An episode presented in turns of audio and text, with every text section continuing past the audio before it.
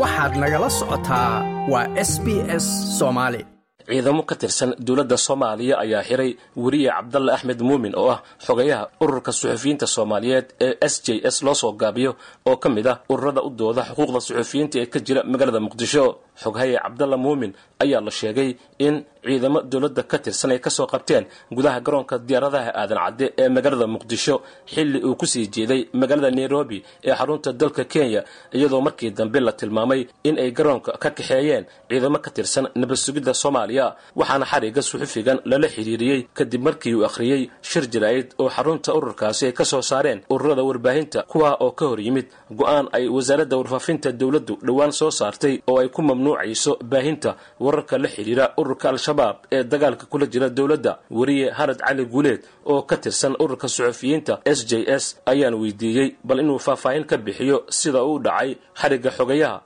Waa mahadsan tahay runtii cabdalla axmed muumin ee galabta ayaa waxaa xiray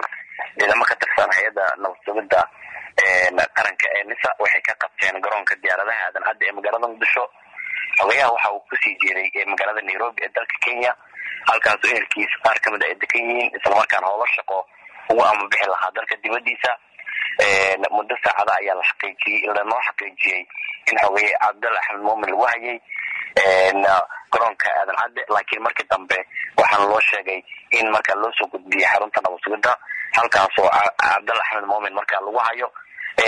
tan iyo maanta waxaa jirtay walaac ay qabeen saraakiisha ururka suxufiyiinta soomaaliyeed ee s j s oo la xiriiray kadib markii xubno ka tirsan nabad sugiddu ay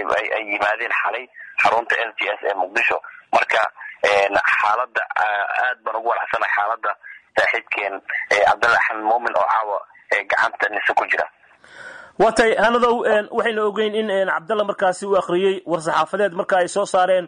ururo dhowr oo markaa ah suxufiyiinta markaa soomaaliyeed oo xarunta s j s lagu qabtay cabdalla marka uu akhriyey maxaa ku soo beega isleedahay marka xariga cabdalla oo keliya iyadoo ururo badan marka ay goobjoog ka ahaayeen war-saxaafadeedka markaasi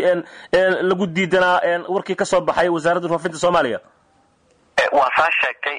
waxaa ku midaysanaa war-saxaafadeedkan xubno dhowr ah oo warbaahinta ah. Ayaa ka mid ahaa waxaa ka mid ahaa soma waxaa ka mid ahaa sima iyo ururada kale ee dalada s m j ay ku midaysan yihiin warbaahinta soomaaliyeed. Marka lama oga ilaa hadda sababaha soo dedejiyay arrintan. Laakiin waxaad moodaa in shirka jaraa'id horta lagu qabtay xarunta s j s ee magaalada muqdisho war-saxaafadeedka wadajir uu ahaa xogayahana uu akriyey marka arrintan laga yaaba inay soo dedejisay laakiin si kasta iyo xaal kastaba waxa aad u cambaaraynayna falka lagu xiray xogaye cabdalla axmed muumin weliba waxaa taagannahay go'aankii ahaa inaan diidannahay in wax un intadas qof shaksi iska soo xarxariqdo uu saxaafadda uu ku cabiriyo marka waa tallaabo dowladda ay ku doonayso tani mid ay ku cabirinayso suxufiyiinta soomaaliyeed sidee baa horta waa ururada dhanka suxufiyiinta marka ay u arkaan marka loo eego warkii markaa ka soo baxay maradii ka soo baxay wasaaradda warfaafinta ee markaa ahaa in aan dhanka al-shabaab markaasi wararkooda markaan la sheegin oo la buunbuunin sidee bay u arkaan suxufiyiinta ama ururada suxufiyiinta ee ka jira hadda caasimada? Runtii aniga hadda kama hadlayo wixii dhanka shabaab iyo wixii la baabi'iyey sababtoo ah wax dhacay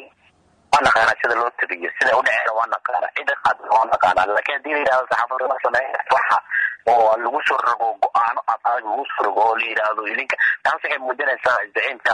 in la doonayo in sax magaalada muqdisho ka dhaca. Ma tabin kartid mar halkii la rabay inaad tabisidna waxa laga yaabo in suxufiyiinta dhibaato ay kala kulmaan. Oo askari jidka taagana laga yaabo inuu yidhahdo nimanka al-shabaab tabinaya in dhibaato ay ka soo gaarto. Marka hadalka wasaaradda warfaafinta ka soo yeray gebi ahaan waxau xeerarka saxaafadda dastuur iyo sharci midna ma haysto habeenkii la iska riyooday suxdii waa la soo kacay shir jaraayada la qabtay waxaa la yidhi saxaafaddu shabaab ma tabin karto. Sidee u tabinaa sidee warka u sheegnaa sidee la yeeli lahaa? Marka dhibaato xoogan ayaa noo muuqata mid la doonayo in lagu caburiyo suxufiyiinta soomaaliyeed ee la doonayo in lagu horsaago shaqadooda ee la doonayo in lagu qariyo ceebaha dowladda marka anaga waxaa u taagannahay difaacidda suxufiyiinta suxufi banaanka joogo in si nabad ah magaaladiis uu ku maro inaan dhibaatooyinka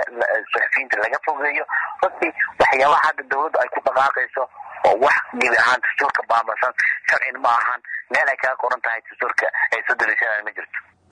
waa tay hadda waa sidii marka loo eego? Ma ka waraysaan oo wax markaasi cid soo aragtay ma jirtaa xaaladda caafimaad ee suxufiga ama xogeyaha dhanka kale maxaa go'aanad markaa ka qaadanaysaan marka loo eego ururada suxufiyiinta ee hadda markaasi ka howlgala caasimada arrintan ku aadan xarigga iyo sidoo kale go'aanadan dowladda ka imaanaya?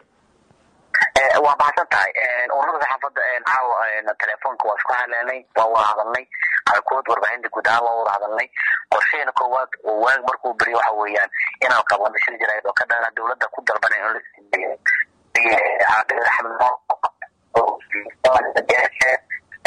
go'aankiisa kale waxa uu yahay inaan la aqbali karin la aqbali doonin go'aan xal dhinaca ka yimid oo aan sharciga ku salaysanayn ee waxyeeleynaya suxufiyiinta soomaaliyeed. Cabdilla caaw waa xiran yahay xabsi